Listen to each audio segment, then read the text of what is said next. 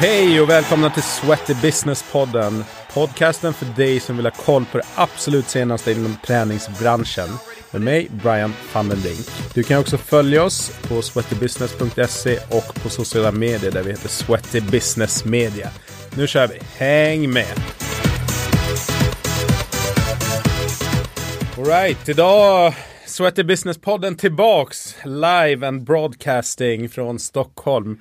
Idag så sitter jag i studion med vår eh, första gäst som faktiskt har fått återkomma och det är en herre som heter Jonas Lisianis. Välkommen! Stort tack! Känns eh, hedervärt att få vara med som första gäst en andra gång. Jaha. Och då tänker folk, ja men varför är han med igen? Eh, och jag tänkte så här faktiskt att eh, Jonas har ju en lång och gedigen karriär inom träningsbranschen. Han har jobbat som personlig tränare och eh, PT-chef på Sats bland annat. Byggt upp Eleikos PT-utbildning och startat och grundat Sports Club Education. Som eh, nyligen blev uppköpt av Safe Education. Så för transparensens skull här så är jag och Jonas faktiskt kollegor inom Safe.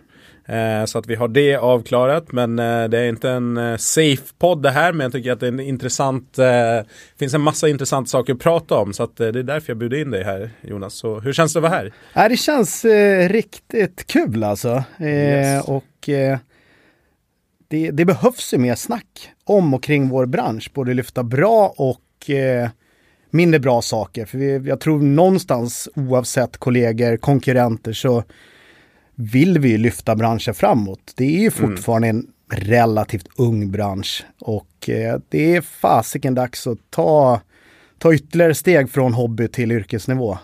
Ja, nej, jag, håller, jag kan inte annat än eh, verkligen hålla med här för att, eh, ja men jag, intressant är att när jag och Norberto som då tidigare var med i Sweater Business men som inte är det, när vi startade podden för lite mer än ett år sedan så var jag ju faktiskt eh, marknadschef på Keycraft så att det är ju inte så, det har ju alltid varit en oberoende podcast men jag har ju alltid haft annat jobb vid sidan av. Så att det är bara en liten brasklapp mot att jag hört att folk tycker att ja, men, nu hamnar man helt plötsligt i någon situation där man representerar ett, ett bolag. Men det är ju inte det som är syftet med Sweaty Business överhuvudtaget utan den är ju till för skilderbranschen precis som du säger, få igång mm. dialogen och eh, informationsflödet egentligen. Bra, men vi kickar igång. Um, du har ju varit med en gång tidigare, men jag tror och vet att vi har fått ett gäng eh, lyssnare och följare, läsare som inte kanske nödvändigtvis har exakt koll på dig. Så att uh, lite så här bakgrund, vem är du, var kommer du ifrån? Ja, lång historia, branschhistoria kort. Jag har startade, jag eh, hade som ambition att jobba som idrottslärare i, i mitten på 90-talet. Jag är då mm. 44 år nu. eh, och eh, kom inte in på GH, på den tiden var det riktigt svårt att komma in. Eh, och tog då ett mellanår egentligen och pluggade på Lillsveds idrottsfolkhögskola. Eh, och det var i, på den tiden var det inte speciellt mycket kopplingar till gym och fitness och träningsbranschen så. Men eh, det började komma och flera av mina kurskamrater har sedermera gått vidare och jobbat inom den här branschen. Eh, och eh, ja, egentligen halkat in på ett bananskal. Så tanken från att jobba som idrottslärare så har man nu i drygt 20 år eh, jobbat med idrott, men kanske mer i, i en annan miljö, pedagogisk miljö, än den jag tänkte från början. Och det är tillbaks till det vi sa från början, att det är min kära mor är pensionär och bor uppe i skogen uppe i Dalarna. Hon, hon fortfarande frågar hon när jag kommer hem och hälsar på, även om det är för sällan. Mm. Jonas, vad ska du göra sen? Och det är lite grann en hobby för mig. Som har sportnörd, hållit på med sport, som har blivit yrke. Så inte för att jag varit idrottslärare, men man jobbar ju med idrott, ja. gym, fitness, vad nu vår bransch heter. Men annars är det en, kört hela resan. Börjat på golvet, jobbat som styrketräningsinstruktör som det hette då till utbilda mig som personlig tränare 97. Jobbat många år heltid som personlig tränare. För att sen vara med på Satsresan eh, från 2005 när jag varit Sverigeansvarig för den personliga träningen på Sats och sen från 2010 nordisk PT-ansvarig för den träningskedjan. Jobbade där fram till slutet på 2012 när jag sa upp mig med ambition och målsättning att driva eget, jobba med affärsutveckling inom träning och utbildning. Han bara gör det en kort period och så hörde eh, eh, våra branschkollegor i Lake av sig och ville utveckla deras utbildningsverksamhet runt om i hela världen. Deras distributörskanaler runt om. Mm. Och jobbade där, trivdes fantastiskt bra. Eh, men det var mycket, jag har ju fru och fyra barn, mycket resor och eh, så för tre år sedan drygt så fick jag möjligheten att eh, starta upp Sports Club Education eh, tillsammans med två branschlegender, Staffan Perman och Per-Anders Dagbord som har grundat både Safe, det jag är tillbaks på nu, mm. Academy och varit med och tagit med Les Mills och grundat det är egentligen som är Sats idag, de största anläggningarna i Stockholm. Så att cirkeln sluts väl på något sätt. Jag, jag sa det när vi var med och grundade Sports Club Education att det här blir nog mitt det här blir nog det sista jag gör nu ändå. Yeah. 20 år. Och nu år tre, tre, år senare var det inte det sista jag gjorde utan nu är jag tillbaks någonstans vid gräsrots mm. början var någonstans där. Så Nej, det är väl en lång historia kort. Ja. Spännande och som vi, som vi nämnde nu så har ju för en lång historia kort där också så har ju Safe då varit i Sats ägo i, ja det måste ju vara över 10 år eller? 10-15 år eller? Ja det blir det ju minst. Ja, men nu har varit ja. i Sats ägo länge och eh, blev uppköpt av Keycraft Group som är då distributör av Technogym i, ja, i Skandinavien kan vi säga. Eh, och i samband med det förvärvet så gick man sedan vidare till att eh, inleda diskussioner med, med er på Sports Club Education och nu sedan några veckor tillbaka så är ju den eh, affären klar så att eh, Sports Club blir egentligen uppköpt av Safe. Hur eh, kan du, hur känns det? Ja, det känns ju enormt spännande och väldigt mycket nu då, såklart. Men eh, tanken var ju från början egentligen med Sports Cab Education att man har ju den entreprenöriella ådran i sig och man vill ju springa mycket, fort och framåt. Och branschen, utbildningsbranschen känns som den har stannat upp lite grann. Mm. Och att växa, vi växte ju bra. Vi gick ju från noll till nästan 8 miljoner omsättning på, på, på drygt två år. Rätt mm, bra lönsamhet. Ja, men vi kände ändå att man ville, ändå, vi ville växa ännu mer. Eh, och det är svårt ändå att växa, upplevde vi det i alla fall, organiskt så snabbt i det tempot vi ville. Eh, så vi började också kika på möjliga uppköp att hitta andra kollegor i branschen eller kopplingar till branschen för att kunna växa snabbare. Och eh, haft möten, trådar ute, men ja, det var ingen som gick i lås och då i den vevan så hörde eh, ägarna av, av Keycraft, Håkon och eh, Farad som är eh, ansvarig där, koncernchef där av sig och var intresserad av att eh, köpa upp oss då. Och det var väl en eh, lång men ändå relativt kort process i slutändan eh, som vi gick in i och det känns ju fantastiskt kul, alltid lite vemodigt att släppa någonting men det, det är inte man släpper ju inte det på det sättet utan vi tar med oss det som, som vi har gjort riktigt bra. Ta med det in nu i, i Safe, kika på vad de har gjort riktigt bra. Och så försöker vi få ihop de här två sakerna tillsammans med att vi adderar mycket, mycket spännande saker. Så att, ja, men generellt sett tycker jag att det är, det känns eh, ruggigt kul och framförallt känns det kul att eh, våra ägare, vår styrelse som, eh, som är kravställare på oss vill att vi ska växa och vi har både resurser eh, och riktigt bra personal eh, för att göra det. Så att ja, kunna, kunna vara med och utveckla utbildningssidan ytterligare på tal om det här, ta nästa steg från hobby till yrke. Jag mm. tror det finns extremt mycket att göra här. Eh, och vi har ju som ambition att vara världsledande. Vi vill ju lägga upp ribban på 2,50. Mm. Vi nöjer oss inte med att vara starka bara här i, i Sverige och Norden, utan vi kikar ju även längre bort i horisonten än så eh, framöver. Vilket jag tycker att kan tänka mig inom många branscher att vi, jag har ju som arbetshypotes att vi ska vara bäst i världen. Och det är inte helt, det är klart det är långt fram dit, men träningsbranschen, vi är ju bra i Skandinavien. Mm. Vi är riktigt bra på gruppträning, individuell träning. Lite grann som på techsidan också. Här är vi bra, det är liksom inget bullshit, Nej. tycker jag, eh, att ha en ambition att bli bäst i världen. Jag tycker Vi måste lägga upp ribban på alla håll vad det gäller allt ifrån lärarkårens kompetens, eh, utvecklingen av den, digitala plattformar, erbjudanden, affärsben, allting egentligen vill vi ta nästa steg på. Och det ja. känns ju riktigt kul.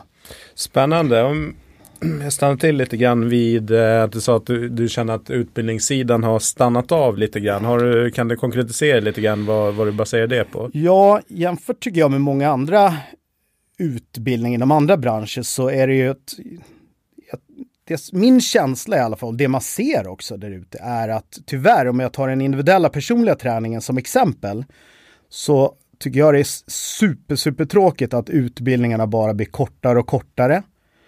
Och det är inte alltid att det blir eh, kortare fysiskt, att man delar e-learning som kompletterar, utan totalt sett kortare.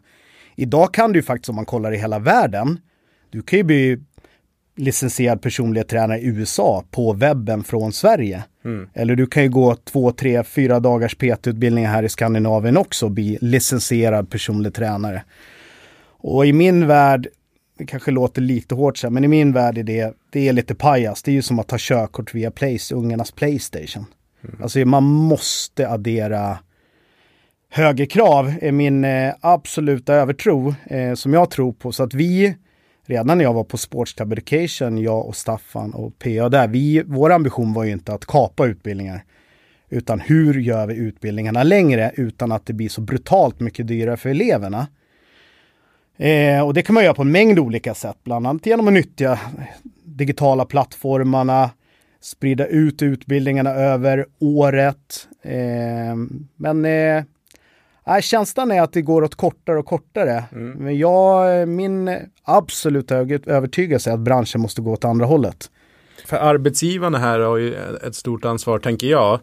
Att om det finns arbetsgivare som är beredda att anställa PTs som har gått en vecka online då kan jag förstå i konsumentens perspektiv att man kanske tänker varför ska jag gå något som håller på i ett år och kostar si så många kronor ja. eller så kan jag gå den här online och plugga när jag vill och sen är jag färdig och det har kostat mig en tredjedel mm. utav priset.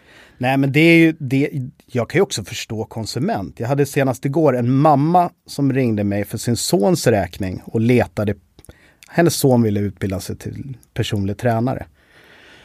Och hon ringde till mig och det finns ju många mer än vi som är bra, men hade såklart också kikat på de här eh, alternativen som kanske en femte, sjätte, sjundedel av priset. Mm. Eh, och en sjundedel så lång möjligen också. Och eh, som tur var i det här fallet när mamma ringer eh, och ändå försöker ta reda på fakta, men jag tror många hoppar på. Det är som jag sa till henne att, att eh, jag sa det, jag kan inte tala egen, jag talar ju lite egen sak så. Men okej att en utbildning är billig, men om den är billig och du inte får en anställning med den så är den ju dyr oavsett om den kostar 3, 13, 30 eller 50 000. Ja. Men tillbaks, det hamnar ju också, precis som du är inne på, i någon form av eh, eh, kravställa mot arbetsgivaren. För att om arbetsgivarna inte steppar upp och inte tar det på allvar vad det gäller kompetens, eh, vilket eh, är en enormt stora skillnader med runt om i Norden skulle mm, jag säga. Verkligen. Så, så, så kommer vi aldrig få liksom, komma till rätta med grundproblematiken där. Utan då riskerar vi att man får liksom sämre och sämre grundutbildade tränare på golvet. Och vem som är förloraren i det i slutändan, det är ju, det är ju konsumenten. Mm. Den som tränar. Det kan vara alltifrån farlig träning i slutändan. Om man har riktig jäkla otur. Mm. Nej men super, för det är ju, det är ju också på gång här då. Det är ju inte helt, eller det är officiellt är det, men det är inte presenterat hur det ska gå till exakt. Men eh, arbetsgivarnas branschorganisation då Almega Friskvårdsföretagen tillsammans med, med då aktörer i branschen, både på utbildningssidan och på eh, arbetsgivarsidan, alltså gym och träningsanläggningar arbetar ju nu och i sluttampen vad jag förstår med en branschstandard egentligen som gör att eh, ja, för att få licens som personlig tränare så måste det ha uppnått en viss nivå av både teoretisk och praktisk eh, kunskap egentligen. Mm. Eh, kan du berätta lite kring det och vad du tänker? Ja, absolut. Jag tycker att man kan börja med att blicka på, vi har ju också ett ben i Norge. Eh, mm. Norge måste jag faktiskt säga är lite föregångare här, rent internationellt också. Eh, om man kollar på USA och Storbritannien exempelvis. Men kollar man på Norge så där har man ju Virke som är deras motsvarighet. Ja. Där har man ju redan nu, eller från årsskiftet, kommer det bli krav på att man har PT-utbildningarna, eh, det kallas för en årsenhet, att det ligger över ett år då. Med kravställan både på innehåll, e-learning, eh, praktiskt element, lärarnas kompetens och så vidare. Och även en mycket starkare koppling till högskolorna. Just det. Men Frisk här nu då så tycker jag ändå har tagit ett fräscht grepp kring det. Eh, sen kan man ju, nu har ju de lagt upp ribban på 2,40, lite Stefan Holm-höjd. Jag skulle nog önska och hoppas över tid att man kanske lyfter upp det lite på över Sotomayor är det va? Världsrekordet där på 2,46 eller Ja. vad det är. Men jag tycker ändå man har gjort en bra grund, eh, grund, eh, grundbas som de kommer presenteras tror jag, efter årsskiftet här. Där man, utan att gå in i detalj, kommer kika både på när det gäller att vara en eh, leverantör av utbildningar, exempelvis personlig träning i det här fallet, så kommer de ställa krav för att bli fri- frisk, vad ska man säga, certifierad då. Bland annat på att har man eh, på en utbildning de teoretiska elementen, de ska hållas av en lärare som är universitets och högskoleutbildad inom relevant område, vilket är ju helt suveränt skulle jag säga. Och inom det praktiska blocket att det kommer krävas att man har ett visst antal timmar i närtid på golvet i det området man föreläser i. Det här är ju sånt som vi redan har och seriösa aktörer redan har. Men det är ju en självklarhet. Men nu kommer det också någon, som någon form av branschnorm. Sen kommer de ju också konkretisera deras krav vad det gäller hur mycket praktik ska det vara, alltså live på, på, på golv eller på plats, lärarledd utbildning och också total längd där man inkluderar e-learning idag då, med de praktiska elementen som kravställan och eh, jag tror seriösa aktörer jublar ju. Och eh, tror över tid till och med kan jublar ännu mer om man lyfter ribban lite högre. Så att det, det är väldigt positivt. Ja men det tycker jag också. Jag tror det är, det är om jag läser Frisk eh, och deras uttalanden som, har- som de har gjort, Gustav Wihl Berggren där.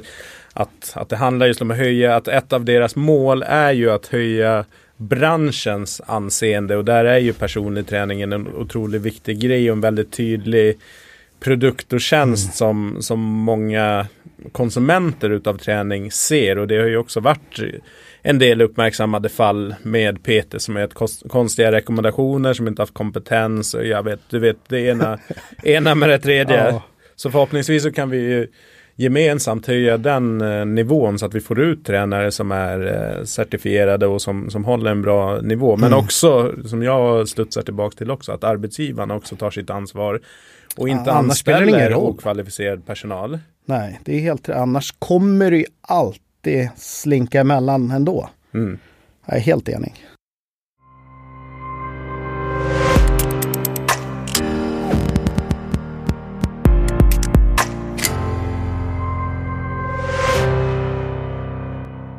Alright, så eh, branschstandarden var det. Vi ehm, kan ju studsa vidare. Vi, du har ju tangerat det lite grann, men vad tänker du kring liksom, framtidens utbildningar? Om man ger lite kontext till träningsbranschen så kommer vi ju egentligen, nej men personliga tränaryrket är ju inte så jättegammalt, alltså på en seriös nivå som en kommersiell produkt. Vad kan det vara? Drygt tio år som Ja, mer eller mindre liksom professionell basis. men kikar man bara tillbaka en 20 år fanns Nej. När jag jobbade som, började som PT fanns det ju knappt PTs. Det är inte så länge sedan. Nej. Så att man, det får man ju också ha respekt för lite grann. Man blir, vi som jobbar i det har gjort nu i 20 år. Man blir frustrerad att det inte händer mer. Men kollar man tillbaks och jämför med andra etablerade branscher idag så förstår man att det också, det är inte konstigt att det tar tid. Mm. Framförallt inte när det kommer till den här typen av reglement där det är politik kring det och så vidare och så vidare. Så att det är... Ja, och jag menade 20 år, jag menade inte 10 år Nej. såklart. Sorry. Ehm, nej men och sen har vi ju på gruppträningssidan har det ju också skett ett ganska stort skifte från Ja men som det var förut med, med mer individer som tog fram framgångsrika koncept och kanske körde lokalt på anläggningen eller lyckades skala upp det till vissa anläggningar till att det blir väldigt mycket mer koncept. Det är alltifrån mm. Les Mills-koncepten som kan rullas ut på vilken anläggning, anläggning som helst i princip. Mm. Till att du har många nischade klubbar som är liksom gruppträningsfokuserade klubbar som har helt egna koncept. Till exempel Barry's Bootcamp, Soulcycle. Ja, men vi har varit inne på dem i, i, i podden. Men så vad tror du det innebär liksom för framtidens utbildning? Om vi pratar generellt utbildningsorganisationer. Liksom, hur ska de kunna vara eh, dels eh, konkurrenskraftiga och, och, attraktiva för konsumenten? För det är ju inte givet idag att du måste gå en utbildning. För att du kan ju gå rakt in. Mm. Till exempel om du är duktig så kan du ju faktiskt bli en Barrys instruktör. Eh, genom att gå deras interna utbildning. Mm. Eh, jag tror att de har vissa krav men ja, jag tror att det, det, finns vägar in och samma sak, du kan ju faktiskt jobba som personlig tränare på någon anläggning här och där mm. bara för att du själv är, är duktig på att träna själv.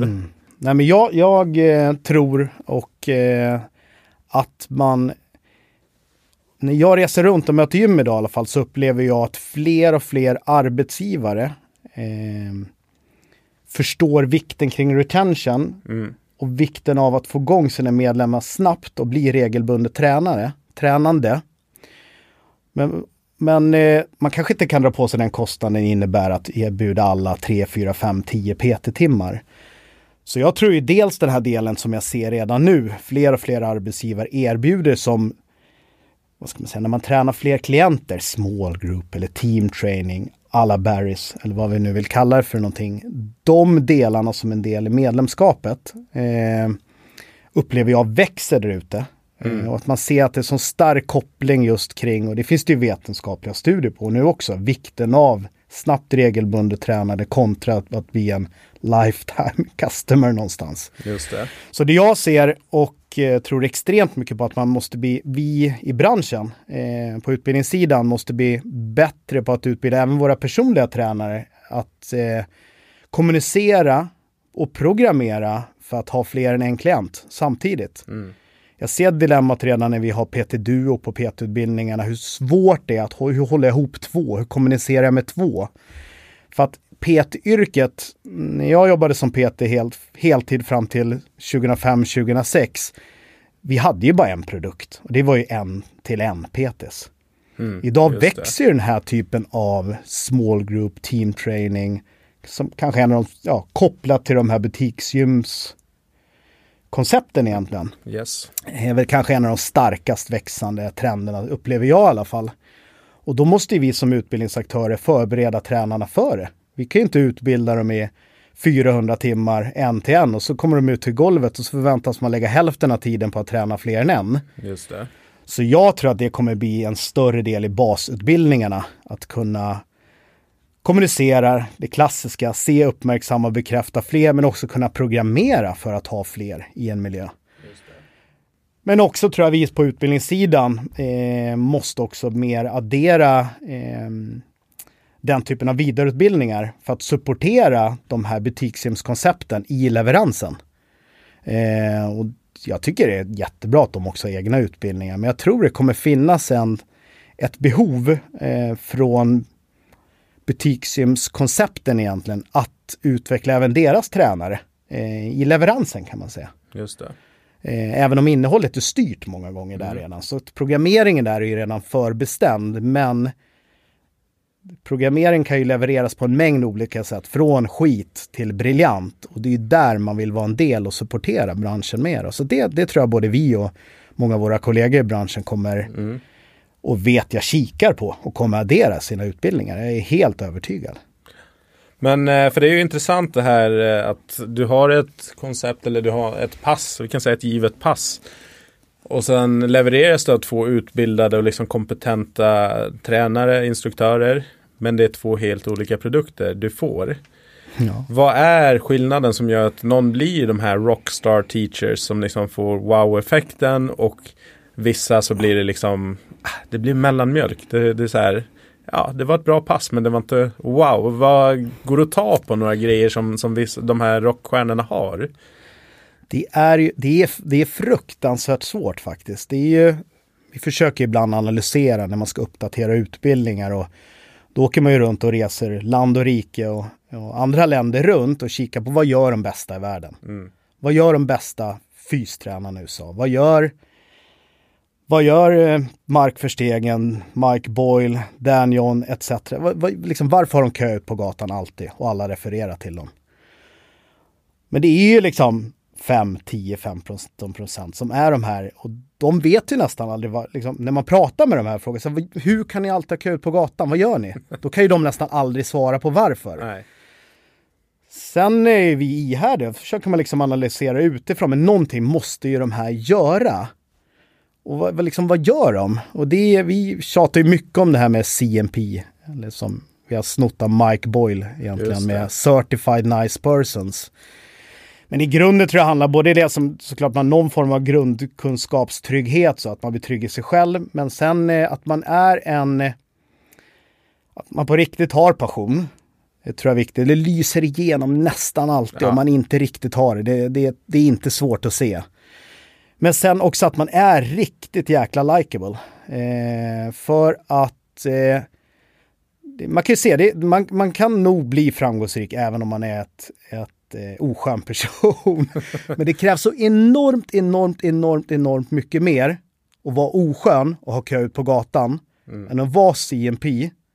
Passionerat CMP, ärligt CMP, ärligt intresserad av folk och mm. hjälpa dem bättre. Det är mycket lättare att ha kö ut på gatan då. Ja. Men sen tror jag mycket det här handlar om att att det är eh, en, en, även ligger på individen som tränarens ansvar. Eh, jag kan bara ta hos oss på Sportclub om jag trackar tillbaks. Våra lärare var ju fantastiska på att hjälpa oss som företag att fylla kurserna kan ju ta som ett, tycker jag, en, en jättebra branschexempel som Erik Börjesson som jag tror har varit med här i podden mm, också. Erik Börjesson var med här någon avsnitt ja. 30-ish. Ja, som är liksom, det spelar ingen roll om jag med mina fotbollsgrabbar i Barcelona så har jag alltid från varje dag haft kursen. Två filmer på övningar, rörliga, liksom rörlig, rörligt bildmaterial egentligen som jag kan lägga ut mm. i våra sociala medier som hjälper oss. Det stärker han såklart som person. Men framförallt stärker vi oss som bolag. Så det, det handlar också om att bygga, bygg, bygga upp sig själv så, såklart som, som profil men också så att hjälpa andra utvecklas egentligen. Det tycker jag man är faktiskt, jag måste ändå säga det om man, när man reser runt i USA mycket och Får jag tipsa på bra event så Perform Better Summits, där man samlar de bästa fystränarna i USA, så är ju det, alla där är ju briljanta på att lyfta varann. Marknadsföra varann, varandras litteratur, okay. text. Här är man lite mer orolig, lite mer så här konkurrenter än kollegor. Jag tror vi måste nog liksom ta av oss lite mer, om vi ska hjälpa den här branschen framåt nu. Jag, jag upplever ändå mycket, mycket bättre att det, lite mindre pajkastning och lite mer liksom lägga upp korten på bordet. Hur kan vi hjälpas åt? Mm. Driva, alltså, driva branschen framåt. Ja, herregud. Det är 21 procent som tränar på gym. Det finns och tränare kommer behövas. Jag tror liksom att vi med det här frisk-initiativet som jag tycker är riktigt bra, men även att vi som är ibland konkurrenter, men det är ju positivt ju. Att vi liksom mm. lyfter av oss tröjorna ibland. Alltså ja, behöver inte gå runt nakna, men, eh, jobbtröjorna så. och kika på utvecklingen istället. Ja. Jag pratade ju med Philip Mills som är Les Mills eh, Ja, han är son till grundaren i alla fall. Men han är koncernchef där nu.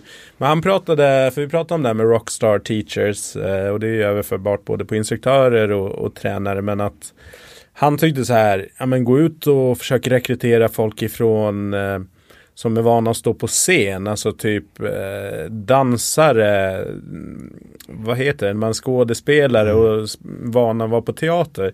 Tror du att, att det kommer kanske krävas att, att utbildningsföretagen och ta in kompetens kanske från den världen att det handlar kanske rätt mycket om också kunna ta en scen. Att det är det du egentligen mm.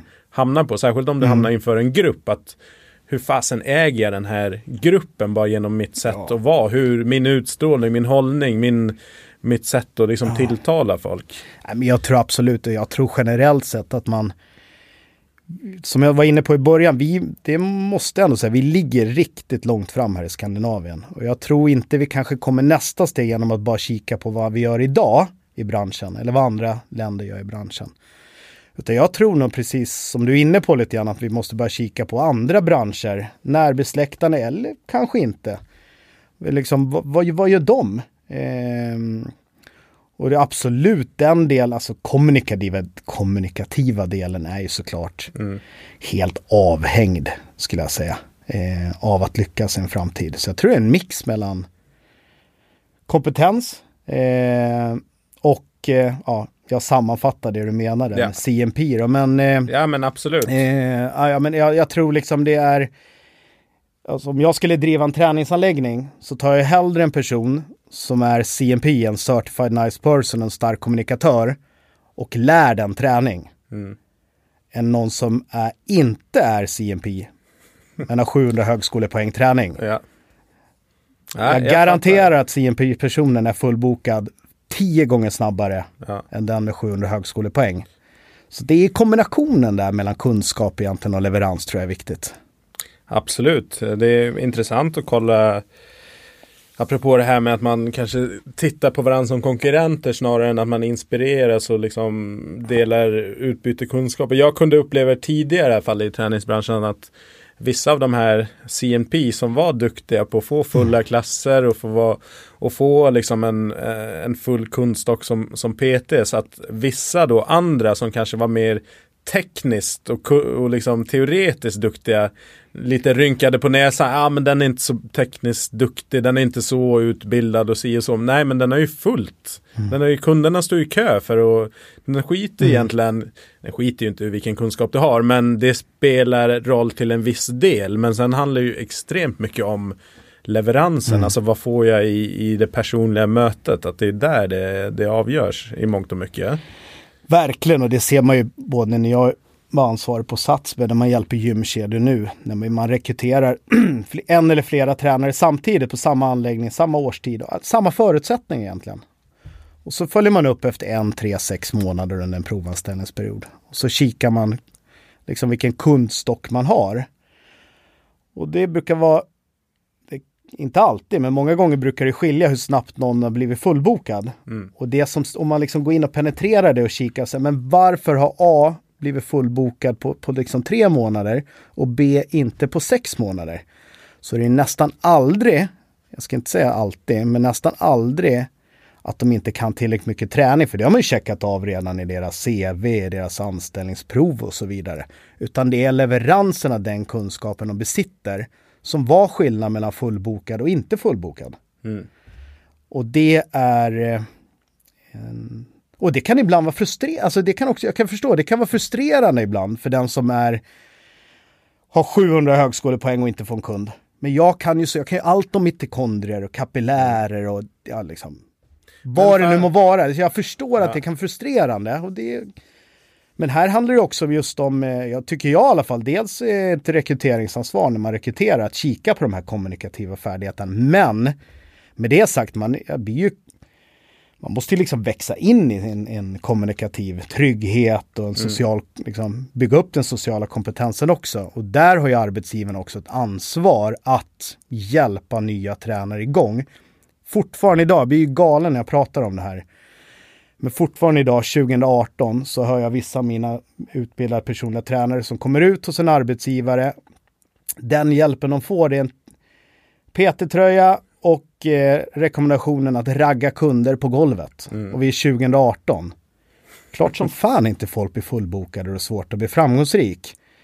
Man är liksom bättre på att introducera liksom någon som ska, ja, vem som helst egentligen ha så introduktionsplan och, och det är samma här med det här kommunikativa. Vi måste utmana tränarna och Kommer ihåg när jag sökte jobb för, för på Sportshell som det hette då, 90 ja det var väldigt länge sedan, för över 20 tillbaka. år sedan. Men en del i rekryteringsprocessen då. Och det måste jag credda Patrik Nygren som var min första chef där då.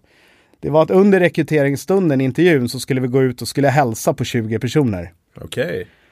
Det var jobbigt när man var drygt 20 år alltså. Men det, någonstans la det ribban lite grann till det här med CMP eller kommunikativa delen, att man visar mm. att det är viktigt. Det räcker inte att jag, jag tyckte jag kunde allt om träning. Ja. Men det hade ju inte spelat någon roll om jag inte hade kunnat prata med folk. Nej. Så att den där delen är, man kan tycka vad man vill om det, men den är en nyckel. Ja, jag tyckte det var en smart uh, grej ja. att göra. Det får komma ur komfortzonen på en gång. Ja.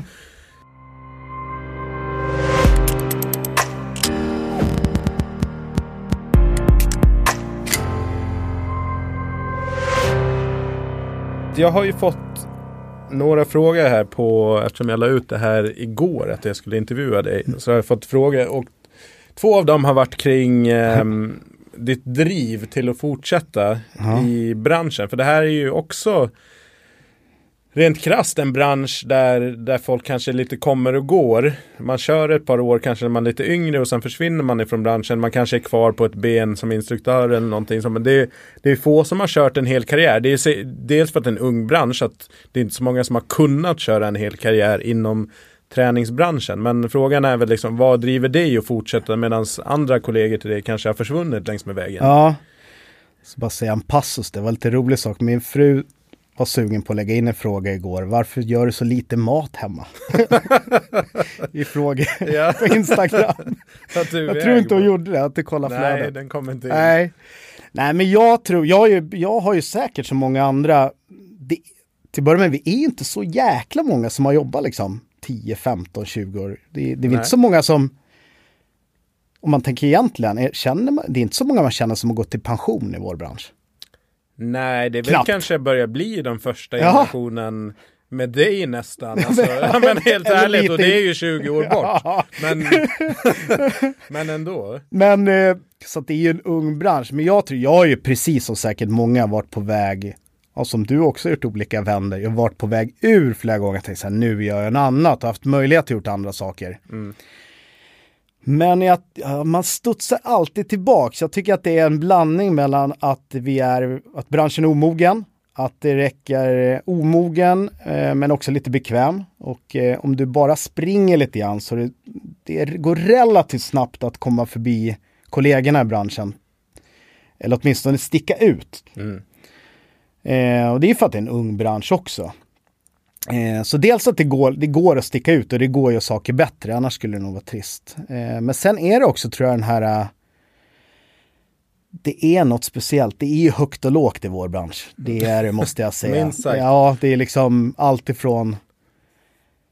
Ja, ja, det är högt till lågt och det är också någonstans jäkligt charmigt. Det är ju från liksom källargym till Sats som är som att jobba på Ikea idag. Mm. Eh, och eh, åldersspann och folk från olika med olika bakgrund och religioner och det är en jäkla härlig mix ändå. Det glömmer man ibland tror jag. Mm. Man pratar liksom få ihop Sverige och så vidare. Men alltså kollar man träningsbranschen så jäkla vad bra det är med, med tjejer i ledande positioner och eh, folk som är, direkt går in i vår bransch som kommer från andra kulturer, andra länder, behöver inte kunna språket. Jag tycker det är mycket, det är en härlig kompott, en, en mm. spretig kompott, men jävligt härlig. Så att för mig handlar det nog mycket om just den här, det är väl inte två, jag tycker så här, det finns fortfarande väldigt mycket att göra. Yes. Jag ser ju gärna att vi går, det kanske låter lite tråkigt, mer från det här rock'n'roll till bli lite mer Ikea-aktigt liksom, lite mer struktur ja, och löner 25 och pensionsavsättningar och trygghet. Det låter också trist, men alltså jag... Men alltså, ja, trist och trist, men, men eh, samtidigt när Unionen gjorde en undersökning här eh, i, nej, det var nog förra hösten. Ja.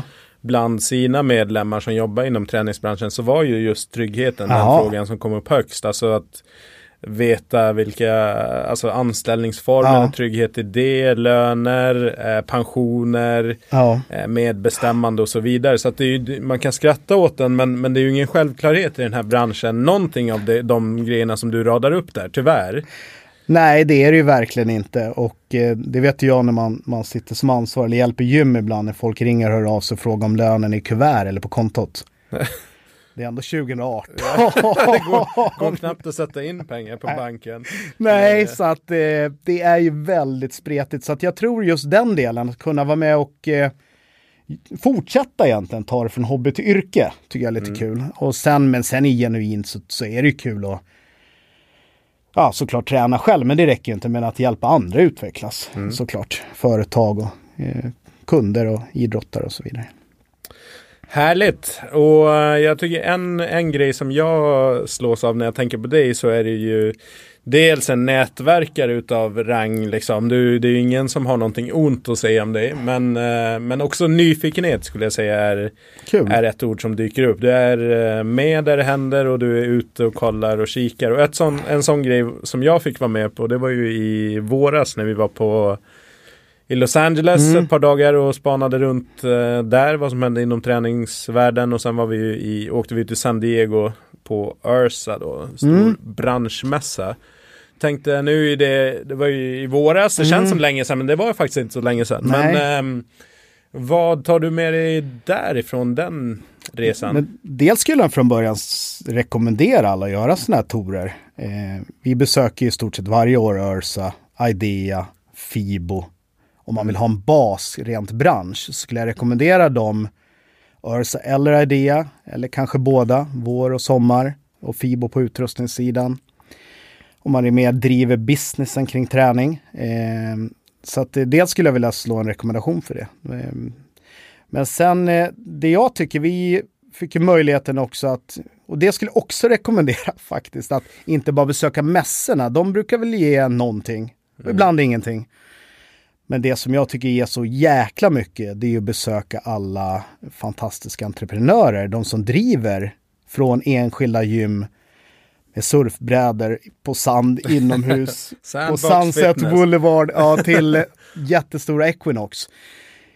Jag skulle säga att man får med sig minst lika mycket, om inte mer, på det liksom dagarna före, efter, kvällarna eh, och nätverkandet. Men kollar man generellt så jag skulle nog ändå säga att det, det jag tycker man får med, det man slår, jag skulle säga alltså att det man slås av på mässan när man går på föreläsningar är att man börjar värdera den här också, den här man förstår vikten av att eh, den här kommunikationsrollen, det vi varit inne på lite grann nu, att ta hand, se, uppmärksamma, bekräfta kunden. Både digitalt och live. Eh, den delen tycker jag man, ett tag pratar man bara tech. Och liksom hur kan vi kommunicera med dem digitalt? Men just den här kombinationen mellan det digitala och det fysiska, det slog sig av lite grann. Eh, men annars så måste jag säga helt överlägset är de här utbrytningarna från de stora gymmen där man tar koncept som yogan och skapar yogastudios. Butiksgymsdelen. Nu hade vi möjligheten att besöka 14-15 sådana gym Mm, ja, som ligger på en gata i Los Angeles. Så vill ni beta av mycket snabbt så finns ju allt. Eh, men det måste jag säga att den, den butiksgymssidan tycker jag sticker ut. Eh, och så tycker jag det sticker ut, och det är därför jag tycker det är så bra att besöka dem också, att det kan ju vara sån enorm skillnad på butiksgym. Man pratar Barrys exempelvis här som jag tycker ändå gör det hela vägen. Ja. De gör, de gör det hela vägen. Men vi besökte ju säkert av de här 13-14 butiksgymmen vi så kanske var en till fyra som gjorde det hela vägen. Men resten, det räcker inte att ha en lukt på ett gym eller liksom hänga upp lite huvtröjor i en dörr. Eller en smoothiebar. De har liksom inte förstått. Och det upplever jag ibland att man inte riktigt har förstått vad butiksgym knappt är. Eh, och framförallt inte ta det hela vägen. Så att, nej, men jag, jag, det sticker ut. Det går inte att komma under, sticka under Nej. stol med det. Och det ser man ju också gym, de gymägarna från Skandinavien som var där, att fler och fler försöker hitta den här butiksgymsdelen som kan vara svårt att implementera i sin, sin mer än stor idrottsstr- Ja, Ja. och det kommer inte vara lätt, för det är ju hela nyckeln som butiksgymmen har, att de har just ett koncept. Vi har cykel. Här är vi väldigt nördiga. Så att det finns nog utmaningar för de som driver mer helhetsklubb att få in butiksgymskoncepten i dem. Just det. kommer bli tufft, tror jag. Det blir en utmaning. Jag refererar tillbaka till Philip Mills och han pratade han, bara, han tyckte att nyckeln var liksom att få en butik fitness experience inne på en traditionell Mm. klubb så att man man bygger och han tyckte då att eh, till exempel att enklaste low hanging fruit liksom. Han bara gör om cykelsalen till en liksom en, en jäkligt nice studio. Stora skärmar, liksom härlig belysning. Eventuell liksom tekni, teknologi med uppkoppling och så och få liksom känslan av en butik där inne. och så vidare och så vidare. Så finns det ju andra zoner. Men mm. eh, nej, jag tror absolut att den blir en utmaning. Vad tror du om det här då? Att vissa försöker ta betalt då för butikkoncept som är shop-in-shop lösning. Tror du på den modellen? Alltså jag ett, tycker, tänk, jag, tänk ett vanligt ja. gym som startar en, en, liksom en del som är ett butikfitnesskoncept. Ja. Sannolikt hit eller cykling då. Eh, och tar betalt extra för det för med, från medlemmarna. Det, det, finns ju vissa som gör det redan idag utan mm. att vi behöver nämna vilka det är. I det här fallet som gör det, så, det, det de får in en betydande extra revenue där. Mm. Eh, men sen som vi sa, det beror på hur bra man gör och så vidare. Så att det, mm, det är, jag tycker ändå det är spännande måste jag ja, säga. Jag det, är... det är spännande, jag tänker också på en annan grej som är spännande kopplat till USA med, med Rockstar och så vidare. Jag tycker också det är väldigt spännande kring gruppträning eller teamtraining eller small group att kunna kika på lite grann som det var på det glada 80-90-talet, den här provisionsbaserade gruppträningslönerna. Mm. Eh, tycker jag är faktiskt spännande också att kika på. Eh, lite grann mer som gymbranschen har internationellt med, man har olika, att inte alla PTs har samma pris och samma lön. Mm. Eh, och samma på gruppträningssidan att se, för det, nu gör ju alla samma sak, man har en viss 2, 3, 400 kronor i timmen på ett pass. Men kan man liksom, varför skulle man inte kunna tjäna 2000? Mm. Varför skulle man inte kunna jobba halvtid som gruppträningsinstruktör? Kanske heltid utan att kroppen pajar. Det är, och, det är spännande saker som i första skedet tänker man, det går inte. Mm. Jag tror det är där jag menar lite grann, vi, det är liksom, jag tror vi stirrar oss för blinda på vår bransch där. Jag är ju exempelvis en väldigt stor förespråkare av att ha vilket inte alla gillar, olika priser, alltså ha en segmente segmenterad pris och lönestruktur på PTS, även på anställda PTS. Att eh, man har olika nivåer på PTS baserat på, på utbildning och erfarenhet och sådana saker. För varför, om man är jäkligt duktig, har kö ut på gatan som vi pratade om, varför ska man inte kunna tjäna riktigt jäkla mycket pengar? Mm. Alltså det är spännande, Nej, både individuella träningen. Det är väldigt träningen. spännande, men jag tror, tror, inte det hänger samman med mm, jag ska inte säga jante, men ändå Skandinavien och, och Sverige är ju mycket att det kan inte sticka ut för mycket åt något håll för då kan det bli lite dålig stämning. Ja, ja men det, och det hör man ju bland vissa som ja. har exakt, vissa har ju rak lön för alla.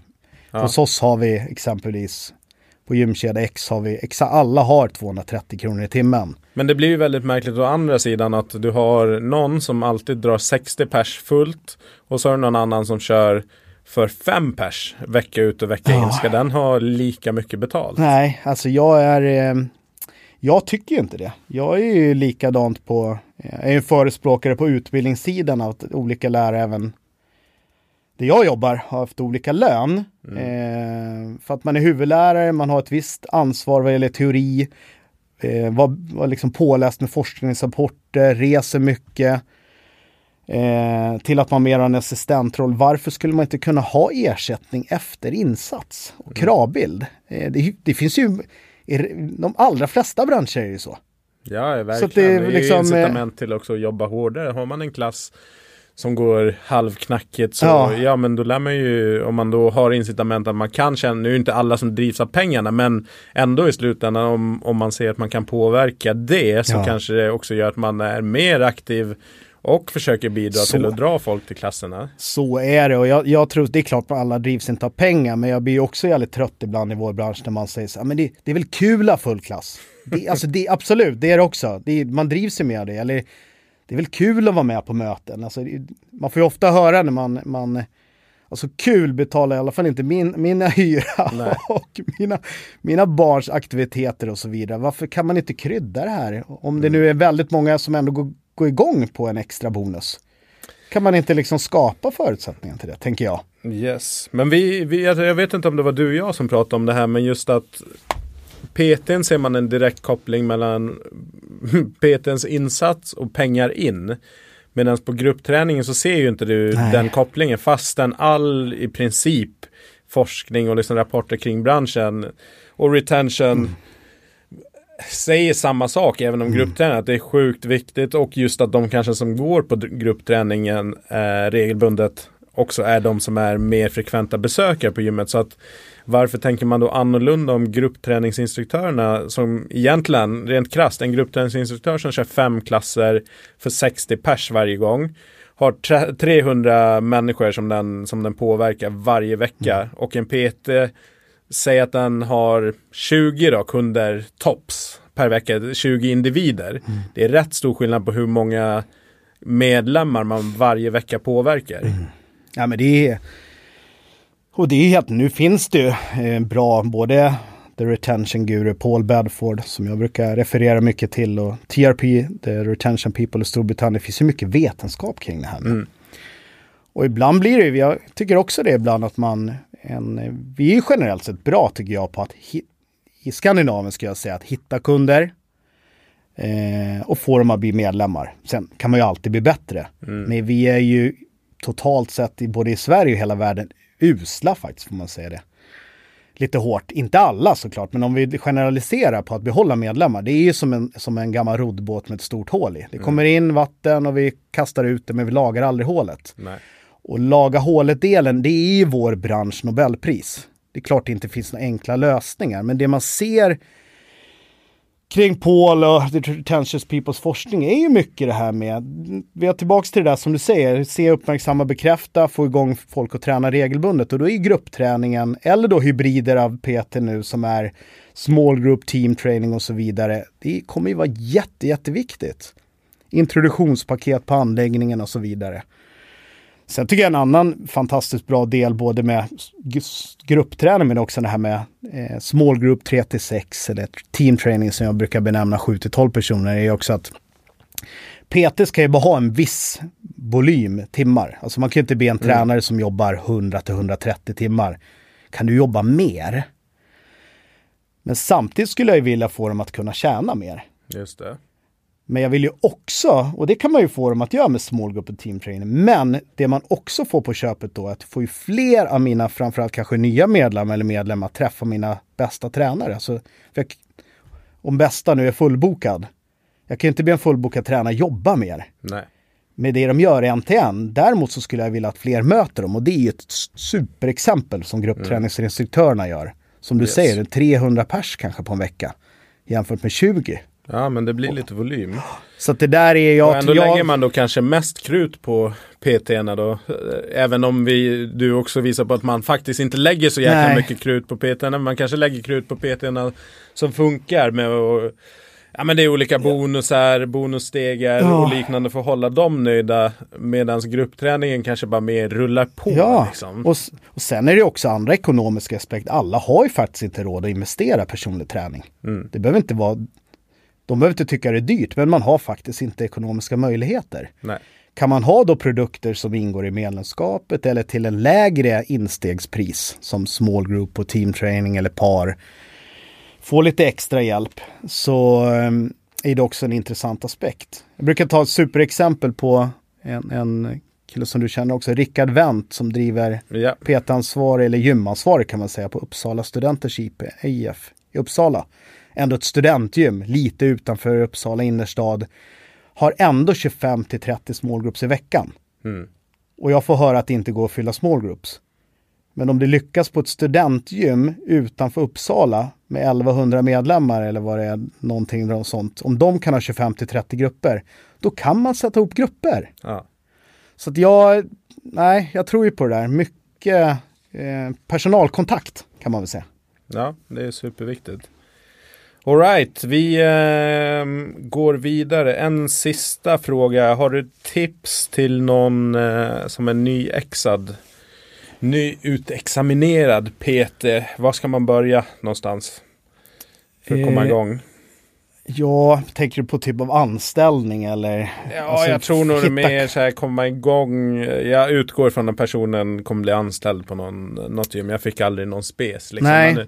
Säg att jag blir anställd och och ska komma igång ja. med mina, mina första veckor på jobbet. Nej, Vad tycker du alltså, man ska göra? Jag skulle nog säga om jag skulle börja från blankt papper, starta imorgon. Eh, så om gymmet har det eller inte har det, jag skulle vilja ha så ge mig hur mycket, om de har någon form av introduktionsprogram, mm. se till att ha, ta så mycket introduktioner, Peter Start, konsultationer, kärt barn har många namn. Träffa som man mycket kunder som man, ja, och för Skillnaden är mot jag som driver eget företag, eller gjort det i alla fall, att vi betalar ju till och med. För, man åker på branschträffar där man betalar för att träffa kunder. Yeah. För det är inte lätt som ny och man är lite, kanske lite svagt socialt och kommunikativt i början. Att få, då kanske liksom gymmet digitalt eller via reception har bokat möten. Att få bokade möten, om det sen är liksom, att man kanske inte har full PT-lön eller halv PT-lön eller i min värld, jag skulle, jag skulle liksom göra det gratis. Mm. Sätt upp mig. Sen skulle jag bara göra det gratis till jag var fullbokad. Sen skulle jag aldrig jobba gratis igen. Men liksom, jag tror någonstans man får se den här, för det tycker jag också man hör ibland, så jag vill inte jobba gratis. Jag tänker, jag, jag, det är ju samma sak, det är en lek med ord, men jag tänker så här, det är, jobba gratis för mig, eller det är en, en min marknadspott jag tar av. Ja. Om jag träffar 100 kunder så kommer förmodligen 6 till 8 av 10 eller 60 till 80 bli kund. Mm. Sen att jag la de 100 timmarna jobb då och 40 av dem inte blev kunder, men det är en marknad. Jag ser det som, det är ju en lek med ord såklart. Ja, men såklart. Jag ser det inte som gratis. Hur många, alltså jag jobbar inte gratis längre, mm. men hur många gratisföreläsningar har man inte gjort? Hur många föreläsningar har man inte tagit 3000 för? Mm. Det behöver man inte göra nu, men man har gjort det. Och det där ibland är, eh, men är säga, det, för... hårda jobbet. Det är ja. hårt jobb alltså. Men är det då en, en fälla eh, som kanske en del inte, att man inte är beredd att göra de där gnettimmarna för att man kanske ser, för jag ser i samma fråga så var det fråga hur man, hur man liksom, du har ju gått hela vägen till att bli utbildningschef liksom, och, och så skriver personen mm. att eh, ja men det blir man väl inte bara sådär. Nej. Eh, och det är väl det det handlar om. Att det är många, många år och många, många timmar. Det är ju så. Jag, jag kan ta exempel. Jag gillar ju det här nya gardet. 90-talister eller ja, men alltså det, jag får ju. Jag jobbar också inom idrottens värld och eh, ja, både inom Djurgårdens akademin och sen för Svenska ishockeyförbundet och så. Och det, det var inte det första jobben man fick. Nej. Men jag får ju samtal idag av ny, relativt nyexade eh, tränare. Så, oh, jag skulle också vilja jobba med elitserielag eller hockeyförbundet eller någonting. Så, mm. men, ja, absolut, så, men hur länge har du kört? Om ett halvår. Och det är så här, på sätt och vis charmigt som tusan att det inte, man sätter inga barriärer. Det är klart jag vill. Ja. Men samtidigt så här, så här, men någonstans, så, men gör så här, kontakta den här föreningen och så börjar du med U11. Mm. Och sen tar du U13, U15 och så jobbar du upp. Men man är inte riktigt så jäkla sugen på att ta U11. Nej. Och det tycker jag är någonstans som man ska jämföra idrotten. Man behöver träna liksom hela resan upp. Försöker... Sen kan man ibland ha liksom, det är klart man har ibland röta och det är liksom, det är, man halkar in på bananskal. Men liksom om man sammanfattar framgångsrika tränare i vår bransch skulle jag säga att det är ju sällan någon haft räkmacka. Mm. Folk har lagt så enormt mycket tid Eh, på att resa, läsa, göra saker, misslyckats med saker. Eh, så att oftast är det eh, hårt, hårt, hårt jäkla jobb och lite hårt jobb till. ja, men det är som alla jobb, alltså, det där blir man också, vad fan om jag är utbildad mig till frisör, hyr in mig på en frisörstol. Jag klipper inte åtta kunder om dagen i början. Nej. Men det är ju inte heller så att jag, om jag är frisör, jag klipper två så går hem. Eller mm. sitter youtubar sex timmar det händer ju ibland Peter när man kikar på sig. Men vad, vad, liksom, vad hände? Du fick tre avbokningar, men jag gick hem. Jag vill säga, du hade ju sju, åtta aktiviteter du skulle kunna göra för att hitta nya kunder. Varför gjorde du inte dem innan du gick hem? Mm. Så det är klart det är hårt jäkla jobb många gånger faktiskt. Det är ju inte så kul att höra, kanske. Nej, men det är, det är ju sanningen. Så att eh, så är det. Lyssna på Jonas.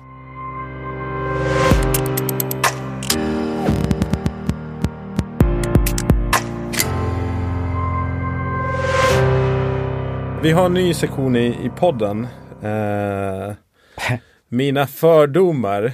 Ja. Som jag har om antingen intervjupersonen eller ämnet, området som den är verksam i. Och den första som jag har, ja. eh, påstående eller fördom, är att PT-yrket är svårt att livnära sig på.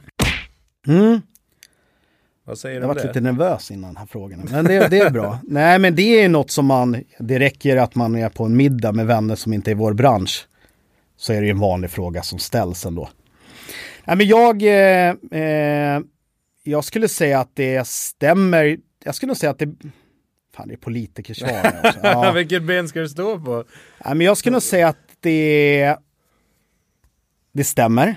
Eh, till viss del. Eh, men också till viss del att det inte stämmer. Jag skulle nog säga att, till, att det stämmer att det är svårt att livnära sig på så ska jag nog säga att det är jag skulle nog se tillbaks lite, det var med trygghet någonstans. Mm. Och jag skulle nog se, och jag vet att många seriösa arbetsgivare kikar på det här, att det finns en större möjlighet att kunna släppa hobbybenet och gå in att satsa helhjärtat på yrket.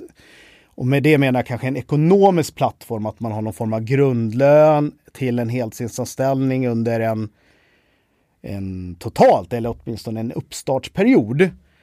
Eh, så dels tänker jag så anställningsform, eh, så stämmer det absolut att det skulle behövas göra mer, att det är svårt. Mm. Och sen tillbaks det varit inne på lite grann, så tycker jag att det är alldeles, alldeles för sällan man som arbetsgivare tar sitt ansvar och håller den nya tränaren i handen, att vi hjälper dig. Mm.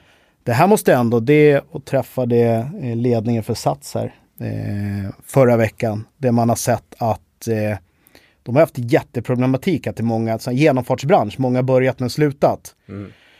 Men nu sen förra året minskar, de har ökat omsättningen jättemycket på PTS, men liksom har hundra tränare mindre i Norden. Och de liksom har ju insett att det är bättre att vi har, det är klart man vill ha många som jobbar mycket, mm. Men det är bättre att ha några, några liksom, det är bättre att ha lite färre som jobbar heltid än många mm. som jobbar deltid.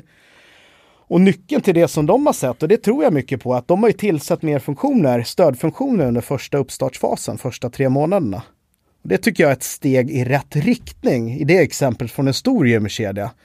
Men som jag skulle vilja se oavsett om man är single club upp till mm. topp fem i Europa vad det gäller gym. Så jag, jag, tror svårt absolut vad det gäller anställningsförhållanden att våga släppa någonting annat. Yeah. Men också det här, vad ska man säga, guidningen in från noll till fullbokad. Mm. Eh, men sen på andra sidan var ibland jag säger nej, jag skulle inte heller säga att det är jag tycker många också inte gör den. Jag, jag, jag tror att man kan komma ut som nyexad tränare idag och sticka ut genom att göra bra saker, att göra ett riktigt bra jobb, så har man fortfarande chans, även om mängden tränare växer, så har man ju fortfarande chansen faktiskt att bli framgångsrik. Bra, vi går vidare till nästa och den är lite kopplad till den här. Men ja. eh, mitt påstående är att lönerna i branschen måste upp. Mm. Ja men det, det tycker jag absolut. Alltså det, ja, om jag inte mm. ska vara politiker då. eh, nej men jag och en, jag har varit inne på det förut lite grann, att, att eh, jag tycker ibland när man, det är väl som alltid när man kikar på sociala medier och olika forum så så är man intaggad ibland och vad tycker du? Och ja, när man läser forum så det är så, jag tror det är klassiskt, det är antingen är det högt och lågt. Jobba hos oss, här tjänar man 80 000 i månaden. och man sitter och garvar lite för sig själv och vet att okej, okay, det kan man säkert göra en månad men inte mm. två och tre. Eller så ser man någon annat forum att så här, åh min arbetsgivare ruinerar mig, man tjänar ingenting. och så har de inte, vet de inte vad det kostar att ha anställda. Yeah. Och vad, liksom, det är inte 800 i ena fickan som stannar kvar, utan det försvinner ju massa på vägen vi i Sverige är ju lite svenska, liksom, lagom och mellanmjölk. Jag tror mm. någonstans kanske det ligger någonstans här. Jag brukar säga det kanske är någonstans däremellan. Jag brukar ibland ta paralleller också till vad är bra då? För det kan ju också vara en sån här fråga. Liksom. Tjänar vi bra? Alltså, jag tycker vi absolut ska tjäna mer. Men jag brukar ta parallellen, min brorsa har varit polis i över tio år och mm. jobbat som polis. Och han har väl 25 000 i månaden. Och nu har jag kanske en trygghet i form av månadslön och de har OB på en tusing fast de blir påskjutna liksom av, ja. av bovar. Så vad är också bra? Mm. Men då har han också en tvåårig tror jag. Polis, jo, precis. Eh, ja, precis. Och, exakt. ja, och jag har kompisar ja, som är med i insatsstyrkan, eller kanske någon tusen till i OB, men det är liksom inga, det är inga monsterlöner där heller. Mm. Fast de har lite längre utbildning. Så de har kanske en trygghet på ett annat sätt än många i vår bransch har. Så det, det är svårt också att säga vad är bra? Men jag, om man penetrerar det där lite grann så kanske jag mer skulle tycka att det som är kul, tycker jag, kika på lite mer så här, vad kan man liksom den här administrativa delen, kan vi lönesätta den på något sätt? eh, den här marknadsdelen. Idag bakar man ju nästan in om man jobbar på provision i sin Mm. timlön på 250 spänn. Det bakas man ju in allt. Ja, ja absolut. Med liksom allt från möten till, på tal om att du gör väl det här för att det är kul. Jag, jag tycker nästan man måste börja det här, göra det mer professionellt totalt sett. Har man PT-kvällar eller PT-möten så liksom, det är klart det ska vara lön. Ni har ju lön i era recessionsmöten. Varför ska PT-erna vara där för att det är kul? Mm. Så att i, jag ty- tycker det handlar, det är nog en total där lite grann. Men, men jag, jag, jag tycker absolut eh, det ska upp, men det är också kopplat till pris. Mm. För att du kan ju inte, alltså, fan har du, ska man driva en business så vill man ju tjäna pengar och det kostar ju också att driva verksamhet. Absolut. Och då måste man ju ha en marginal på, på om man anställer PTs på kanske 30-40 procent. Och då kan man ju inte bara höja lön och sen liksom droppa pris eller hålla pris. Nej. Det är därför jag gillar någonstans den här modellen, den mer internationella segmenterade delen där man där duktiga PTs är dyrare att gå till, eller duktiga, alltså erfarna Ja, och mer- utbildade. ja. Men då kan de också tjäna, alltså om vi tar en eh, min gamla arbetsgivare Sats, där kan man ju faktiskt ha en riktigt, riktigt bra timlön och ändå vara anställd. Mm. Eh, så att, eh, och många vill ju inte driva eget heller. Nej. Så att det, jag tror man det handlar både om att se över olika lön och prisstrukturer kopplat till vad ingår i en PT-timme. Och sista då, den, är, den blir ju lite kopplad till det här, men jag skulle säga så här att majoriteten av alla gym har faktiskt inte koll på om de tjänar pengar på sin produkt personlig träning.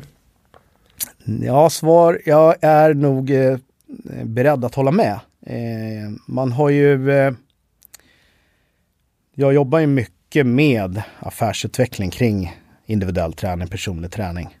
Och då utgår jag, det är precis som när man tränar elit, eller idrottare. Mm. Man tränar dem ju inte bara. Utan när du går in i ett lag eller tränar en individ så börjar du ju kika någonstans nulägesande. Vad är de? Och vad ska de? Och det är ju precis samma sak tänker jag man, som jag upplever man måste tänka inom, inom eh, träningen också. Att, eh, för ofta får jag frågan, Jonas kan du komma ut och inspirera? Jag är lite, ju äldre jag blir ju mera, det kan man göra såklart, men det, det, ofta så brukar jag väl säga, det ger inte något, det är lite så här konstgjord andning för stunden. Yeah. Utan ja, min rekommendation alltså, men det är bättre att börja kika, liksom göra insatser. Vad får vi mest valuta av insatt tid och peng helt enkelt? Vi gör en, precis när vi jobbar idrottare, ta reda på vad är ni, vad ska ni? Då brukar jag jobba med nio stycken nyckeltal. Det är allt ifrån marginal till beläggning på PT-team till ja, en mängd olika saker. Intäkter från personlig träning generellt. Hur många av kunderna på gymmet tränar med PT? Hur många av de som besöker er tränar med PT? Och hur mycket kronor investerar varje medlem? Etc. Det finns ett gäng olika nyckeltal som jag jobbar med. Och jag skulle nog säga att de aldrig är förvånansvärt få som ens vet har man tur ibland så kan man få reda på hur mycket intäkter de har fått från PT. Ja. Eh, så svaret på frågan är att det finns, det behövs en enorm förbättring. Eller finns en enorm potential här att förbättra. Nej, Just för att kunna fokusera på rätt saker. Jag, jag kan väl bara ta ett exempel här. Jag brukar använda ett nyckeltal som är beläggning per om man har möjlighet att, tycker jag i alla fall, ska man jobba med något, något digitalt verktyg där peterna bokar in så man ser sina tränare och deras eh, bokningsbara tider. Just det. Jag brukar använda beläggningsgrad eh, som ett nyckeltal. Hur väl bokade är ditt PT-gäng? Och då tänkte jag, men vad ska man veta det för då? Och det, jag använder det som en del som jag tycker är, är kopplat till lite det jag var pratat om innan. Jag brukar använda nyckeltalet som typexempel på när ska vi rekrytera? För att gym hör ju av sig hela tiden. Så här, ja, vi behöver nya PTs. Så här, men behöver ni verkligen det? Ja, vi måste sälja mer. Jo, men så här, behöver ni mer PTs eller behöver de PTna ni har omsätta mer? Och då är ett sånt nyckeltal, typexempel, vettiga gymägare idag, där, som jag jobbar med i alla fall, där rekryterar vi enbart när man har når kanske 70-75% beläggning. Då rekryterar man en ny tränare. För då finns det också ett underlag för den nya tränaren att bli tillbaks till det där, att bli, man ger dem bättre förutsättningar att bli framgångsrik. Än att man tar in fem tränare fast kanske en behövs. Och så blir det någon form av kannibalism på den kundfloran som är just där och då. Så att eh, svaret är det finns extremt mycket här att göra, vilket är härligt också.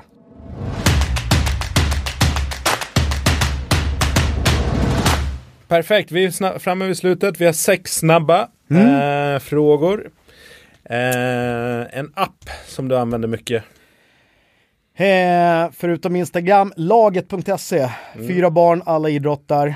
Eh, har koll på sex, sju matcher per helg. Laget.se. yes. Eh, ett projekt som du är nöjd med, som, uh, som du är stolt och nöjd över? Eh,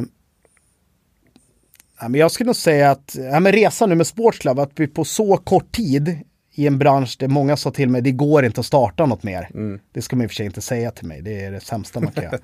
eh, men den resan vi gjorde på kort tid att fick upp omsättning och framförallt fick en, en uh, vettig lönsamhet tyckte jag var, den är jag stolt över. Topp. Eh, något som har någon satsning som har misslyckats? Eh, men jag skulle nog säga att det är ju det är väldigt mycket som misslyckas också som inte syns sådär. Men mycket, eh, jag skulle nog säga att vi har en, ett, eh, jag skulle säga ett gäng olika så här, vidareutbildningar som vi inte har fått att flyga. Eh, jag vet inte, kan jag säga någon speciell sådär, men det är, det ja, men massa saker. Ja. Eh, en person som du ser upp till, har eller har haft som förebild? Eh, inom, eh, jag kan säga två, inom vår bransch så är det en, eh, jag älskar Keep It Simple. Och det är en kille som vi haft här flera gånger som heter Dan från Utah. Framgångsrik fystränare. Han är han har högt renommé i branschen och det är ofta inte för att han gör saker nytt utan att han gör saker enkelt. Jag yeah. älskar det. Det är liksom inget uh, keep it simple stupid. Yeah. Sen är det ju alltid när man tänker, vi pratade om det här om dagen just kring, kring idrotten och, och tränarskap och sånt, att när man kikar tillbaks lärare som har varit, som man från början tyckte var lite jobbiga och lite hårda, mm. är ju oftast de man ser tillbaks på som man tyckte ändå var bäst de jobbar just där och då. Och mina barn, min Hugo, min största son, börjar sjuan nu och vissa, ah, han är så bra den här läraren, det är, så, det är lite slappt och man kan göra vad man vill. Jag tänkte så här, det kommer du se tillbaks, det kommer inte vara någon av dina bästa lärare sen. Ja. Så alla lärare som har varit lite hårda kan man väl säga. Mm, bra. Eh, slutligen då, en trend som du tror vi kommer se mer av framåt? Eh, jag eh, Ja, men jag kan väl, fan, jag kommer på flera stycken. Butiksgymmen har varit in på, det är lite mm. trist. Jag ser ju eh, många vänner och eh, föräldrar fotbollslag som driver företag. Eh, gymmen kommer komma mer ut till företagen. Mer och mer gym. Även om man kikar på utrustningsleverantörerna och nu Keycraft som vi jobbar med.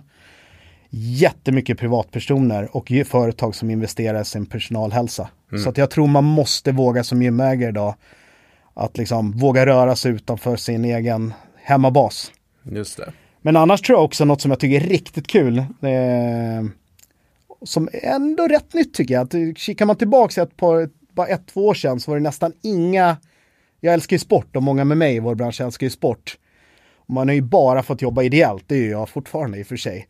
Men jag får mer och mer förfrågningar av eh, föreningar som letar tränare, personliga tränare, där de vill betala, egentligen right. föräldrarna vill gå in och betala man börjar se skillnad, alltså vår generation, vi när vi växer upp som har barn, ser ju, är ju van att träna på gym och ser skillnad på bra och dålig träning. Just det. Det är inte liksom good enough längre att köra liksom jägarställning, risiga burpees och en, och en liksom planka som ser ut som en hängbro. Liksom. Yeah. Det räcker inte. Och spy i spåret liksom. Det ja. skulle jag vilja slå ett slag för. Det är händer saker. Mm, PT där ute, där finns det en guldgruva att hämta. Verkligen. Företag, föreningar kommer. Perfekt. Bra, vi är, eh, vi är klara. Om man vill följa dig, kan man göra det på sociala medier? Ja, jag finns ju på Instagram, J. Lissianis. Eh, annars så ska vi försöka att eh, jobba stenhårt med Safe Education och Instagram-kontot där. Så att eh, det kommer att följa oss på båda spåren här. Yes, då tackar vi för det här då. Tack så mycket, Thanks. kul.